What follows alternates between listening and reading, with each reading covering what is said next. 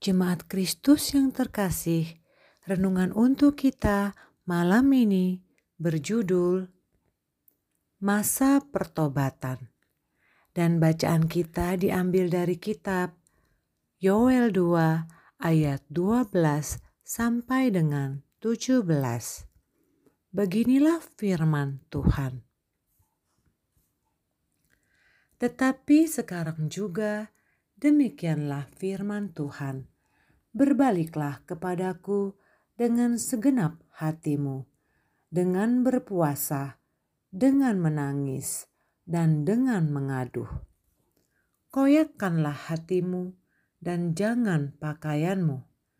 Berbaliklah kepada Tuhan Allahmu, sebab Ia pengasih dan penyayang, panjang sabar, dan berlimpah kasih setia dan ia menyesal karena hukumannya.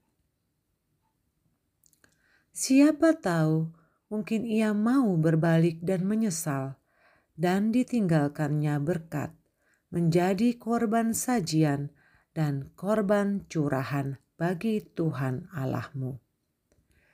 Tiuplah sangkakala di Sion, adakanlah puasa yang kudus, maklumkanlah perkumpulan raya.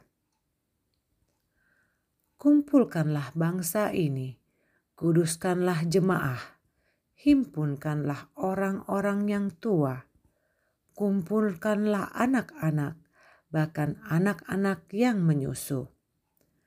Baiklah pengantin laki-laki keluar dari kamarnya, dan pengantin perempuan dari kamar tidurnya baiklah para imam, pelayan-pelayan Tuhan, menangis di antara balai depan dan mesbah, dan berkata, Sayangilah ya Tuhan umatmu, dan janganlah biarkan milikmu sendiri menjadi celah. Sehingga bangsa-bangsa menyindir kepada mereka. Mengapa orang berkata di antara bangsa, di mana Allah mereka? Tak terasa kita sudah memasuki masa pertobatan dengan masuk pada peristiwa Rabu Abu. Titik awal kita memasuki minggu-minggu Prapaskah. Bagaimana persiapan kita?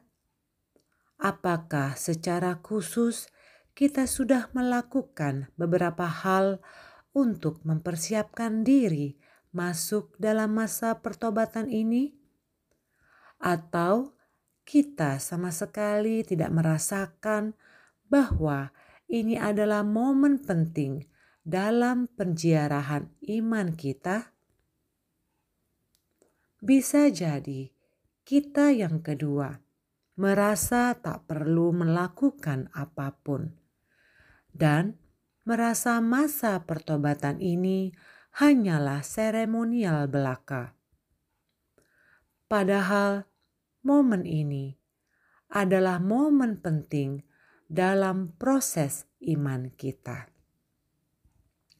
Dengan menjalani masa pertobatan ini dengan serius, kita akan dapat merasakan kasih Allah dengan lebih dalam lagi.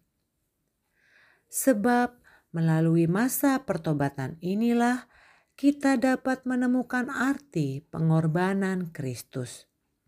Kasih Kristus dan juga apa yang dikehendaki Kristus melalui peristiwa salib. Tanpa pertobatan, kita tak akan pernah tahu betapa agung dan mulianya peristiwa salib tersebut.